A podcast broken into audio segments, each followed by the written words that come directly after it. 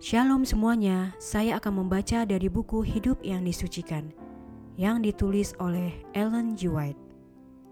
Pelayanan Yohanes Bab 8 Rasul Yohanes melewatkan masa mudanya dalam masyarakat nelayan yang tidak berpendidikan di Galilea.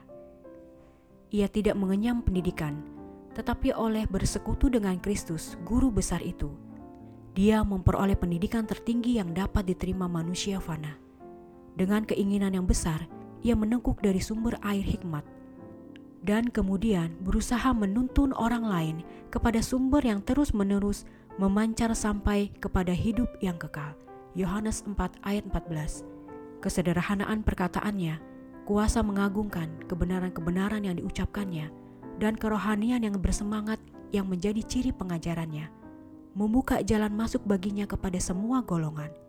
Namun demikian, orang-orang percaya sekalipun tidak sanggup memahami sepenuhnya rahasia kebenaran suci ilahi yang disingkapkan dalam pembicaraannya. Tampaknya dia lebih diilhami oleh Roh Kudus. Ia berupaya membawa pikiran-pikiran orang banyak untuk memahami yang tiada kelihatan. Hikmat yang diucapkannya menyebabkan perkataannya jatuh bagaikan embun melembutkan dan menaklukkan jiwa. Setelah kenaikan Kristus, Yohanes berdiri teguh dengan setia, bekerja dengan semangat bagi gurunya. Dengan rekan-rekannya yang lain, ia menikmati kecurahan roh pada hari Pentakosta. Dan dengan semangat dan kuasa yang segar, ia terus berbicara kepada orang banyak tentang firman kehidupan. Ia diancam dengan hukuman penjara dan kematian, tetapi ia tidak takut banyak orang dari berbagai golongan datang untuk mendengarkan khotbah para rasul itu dan disembuhkan dari penyakit mereka melalui nama Yesus, nama yang begitu dibenci di kalangan orang Yahudi. Para imam dan penguasa sangat gigih menentangnya ketika mereka melihat orang sakit disembuhkan dan Yesus ditinggikan sebagai raja kehidupan. Mereka takut bahwa seluruh dunia jadi percaya kepadanya lalu akan mengecam mereka karena membunuh tabib yang berkuasa itu. Tetapi makin besar usaha mereka untuk menghentikan kehebohan ini, makin banyak pula orang yang percaya kepadanya, lalu berpaling dari ajaran para nabi dan orang Farisi. Mereka jadi naik pitam, lalu menangkap Petrus dan Yohanes, menjebloskan mereka ke dalam penjara umum. Tetapi pada tengah malam, malaikat Tuhan membuka pintu-pintu penjara, membawa mereka keluar sambil berkata, "Pergilah, Berdirilah di bait Allah dan beritahukanlah semua firman hidup itu kepada orang banyak. Kisah 5 ayat 20. Dengan kesungguhan yang tak tergoyahkan, Yohanes menyaksikan Tuhannya dalam setiap situasi yang memungkinkan. Ia melihat bahwa saat-saat itu penuh bahaya bagi gereja. Penipuan setan sedang menyebar ke mana-mana. Pikiran orang banyak diombang-ambingkan oleh keraguan dan ajaran menipu yang simpang siur Sebagian orang yang berpura-pura setia kepada pekerjaan Allah adalah penipu. Mereka menolak Kristus dan Injilnya dan sekarang menyebarkan ajaran-ajaran agama yang menyimpang dan menyesatkan serta hidup dalam pelanggaran hukum ilahi. Tema kesenangan Yohanes ialah kasih Kristus yang tak terbatas. Ia percaya kepada Allah seperti seorang anak yang percaya kepada seorang ayah yang baik dan lemah lembut. Ia mengerti tabiat dan pekerjaan Yesus dan ketika ia melihat saudara-saudaranya orang Yahudi mencari-cari jalan mereka tanpa seberkas sinar matahari kebenaran untuk menerangi jalan mereka, ia rindu menghadapkan kepada mereka Kristus, terang dunia itu. Rasul yang setia itu melihat bahwa kebutaan, kesombongan, ketahyulan, dan kebodohan mereka terhadap kitab suci telah membuat belenggu bagi jiwa mereka yang tidak akan pernah putus prasangka dan kebencian yang mereka pertahankan dengan degilnya terhadap Kristus membawa kehancuran mereka sebagai suatu bangsa dan menghancurkan pengharapan mereka akan hidup yang kekal. Namun Yohanes tak henti-hentinya menghadapkan Kristus kepada mereka sebagai satu-satunya jalan kesempatan. Bukti bahwa Yesus dari Nazaret itu adalah Mesias demikian jelasnya, sehingga Yohanes menyatakan bahwa tak seorang pun perlu berjalan dalam kegelapan kesalahan manakala terang seperti itu disodorkan kepadanya. Yohanes hidup untuk melihat Injil Kristus disebarluaskan di tempat jauh dan dekat. Dan ribuan orang senang menerima ajarannya. Tetapi hatinya susah karena dia tahu ada kesalahan yang meracuni menyelinap ke dalam jemaat. Sebagian orang yang menerima Kristus menyatakan bahwa kasihnya membebaskan mereka dari penurutan kepada hukum Allah. Pada pihak lain, banyak orang mengajarkan bahwa aturan-aturan dan ketentuan hukum harus dipelihara bersama-sama dengan semua adat kebiasaan dan tata upacara Yahudi. Dan ini telah cukup untuk selamatan tanpa darah Kristus. Mereka beranggapan bahwa Yesus adalah seorang yang baik seperti para rasul, tetapi menolak keilahiannya. Yohanes melihat bahaya-bahaya ke mana gereja akan hanyut sekiranya mereka menerima pendapat-pendapat ini, dan ia menghadapinya dengan tangkas dan tegas. Ia menulis kepada penolong yang paling dihormati, seorang perempuan yang memiliki reputasi yang baik dan berpengaruh luas. Sebab banyak penyesat telah muncul dan pergi ke seluruh dunia yang tidak mengaku bahwa Yesus Kristus telah datang sebagai manusia. Itu adalah si penyesat dan anti-Kristus. Waspadalah, supaya kamu jangan kehilangan apa yang telah kamu kerjakan itu, tetapi supaya kamu mendapat upah sepenuhnya. Setiap orang yang tidak tinggal di dalam ajaran Kristus tetapi yang melangkah keluar dari situ tidak memiliki Allah. Barang siapa tinggal di dalam ajaran itu, ia memiliki bapa maupun anak.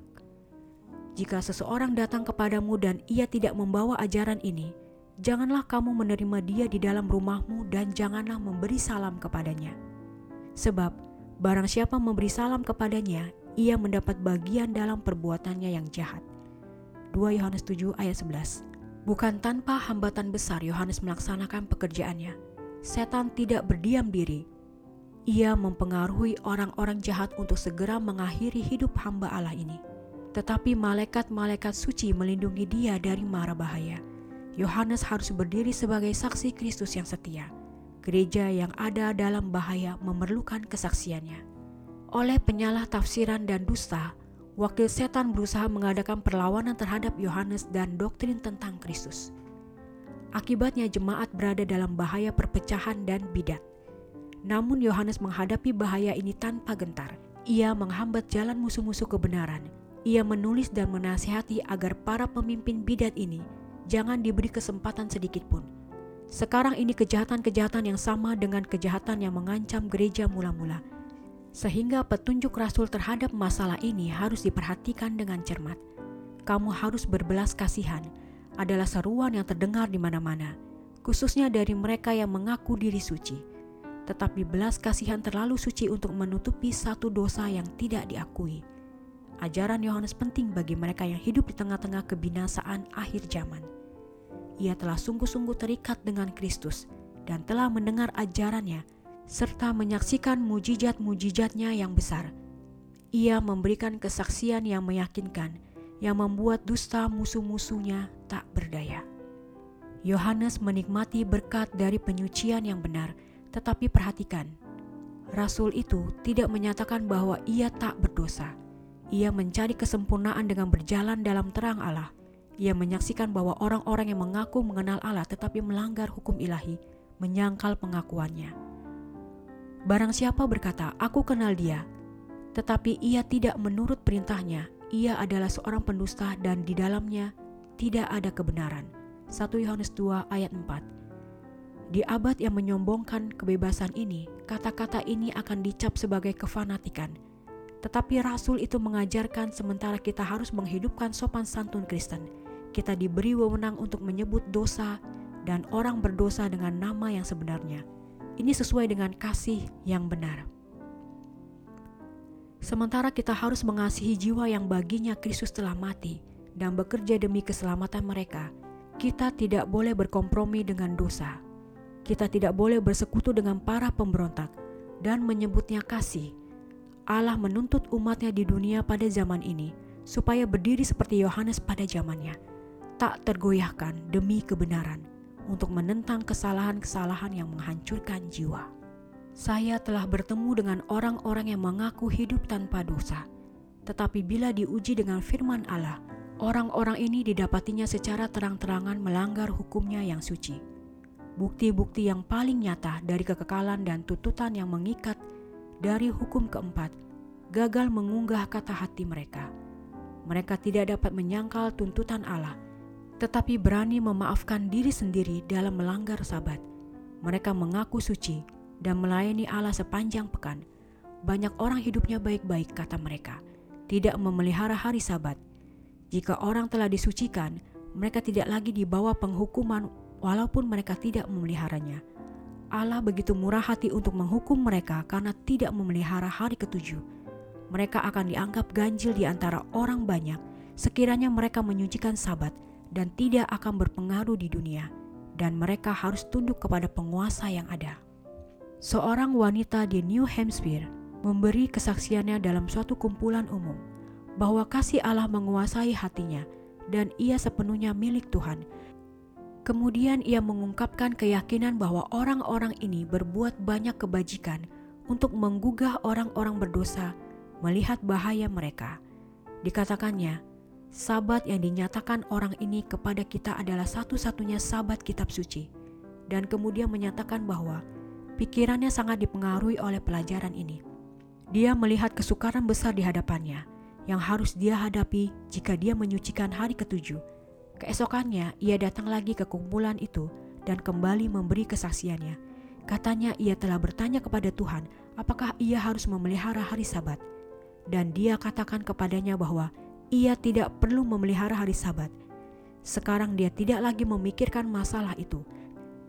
Kemudian ia memberikan suatu nasihat yang paling menggugah bagi hati semua orang, yaitu supaya mencari kesempurnaan kasih Yesus, di mana tidak ada lagi penghukum jiwa. Wanita ini tidak memiliki penyucian sejati.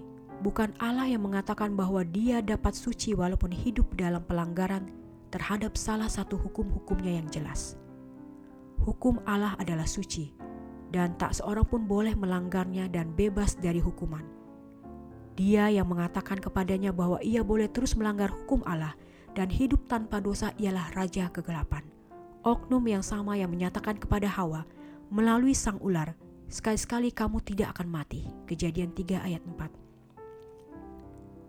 Hawa membodohi dirinya dengan berkata bahwa Allah terlalu baik untuk menghukum dia karena melanggar hukum-hukumnya.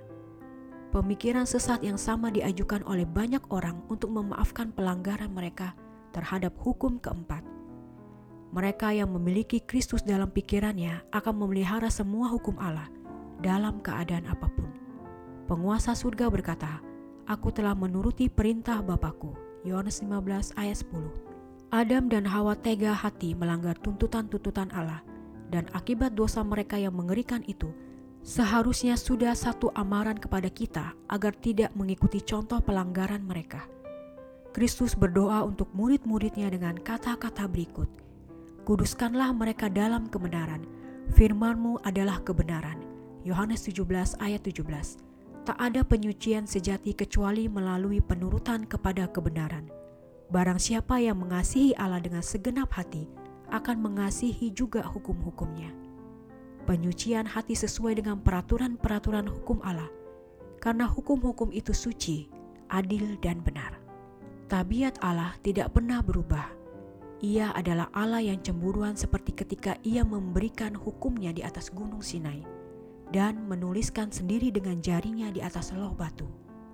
Mereka yang menginjak-injak hukum Allah yang suci mungkin berkata, "Aku suci," tetapi untuk benar-benar suci dan mengaku suci adalah dua hal yang berbeda. Perjanjian baru tidak mengubah hukum Allah. Kesucian hari Sabat dan hukum keempat berdiri teguh seperti tahta Yahweh. Yohanes menulis, "Setiap orang yang berbuat dosa melanggar hukum Allah, sebab dosa ialah pelanggaran hukum Allah." Dan kamu tahu bahwa Ia telah menyatakan dirinya supaya Ia menghapus segala dosa, dan di dalam Dia tidak ada dosa karena itu, setiap orang yang ada di dalam Dia tidak berbuat dosa lagi. Setiap orang yang tetap berbuat dosa tidak melihat dan tidak mengenal Dia. 1 Yohanes 3 ayat 4 sampai 6.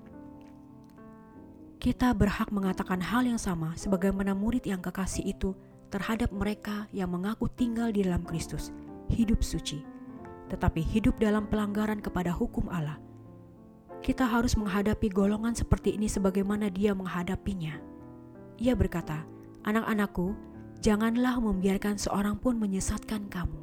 Barang siapa yang berbuat kebenaran adalah benar, sama seperti Kristus adalah benar. Barang siapa yang tetap berbuat dosa berasal dari iblis, sebab iblis berbuat dosa dari mulanya. Untuk inilah anak Allah menyatakan dirinya, yaitu supaya ia membinasakan perbuatan-perbuatan iblis itu. Ayat 7 sampai 8. Di sini rasul itu bicara dengan jelas saat mana dia pikir hal itu diperlukan. Surat-surat kiriman Yohanes bernafaskan roh kasih, tetapi manakala dia berhadapan dengan golongan yang melanggar hukum Allah, namun mengaku bahwa mereka hidup tanpa dosa, ia tidak ragu-ragu mengamarkan mereka dari penipuan mereka yang menakutkan itu.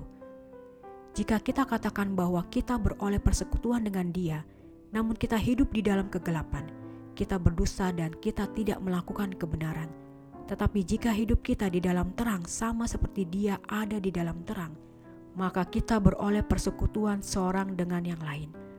Dan darah Yesus, anaknya itu menyucikan kita dari segala dosa. Jika kita berkata bahwa kita tidak berdosa, maka kita menipu diri kita sendiri dan kebenaran tidak ada di dalam kita. Jika kita mengaku dosa kita, maka ia adalah setia dan adil, sehingga Ia akan mengampuni segala dosa kita dan menyucikan kita dari segala kejahatan. Jika kita berkata bahwa kita tidak ada berbuat dosa, maka kita membuat Dia menjadi pendusta dan firman-Nya tidak ada di dalam kita. 1 Yohanes 1 ayat 6 sampai 10. Demikianlah bacaan buku Hidup yang Disucikan.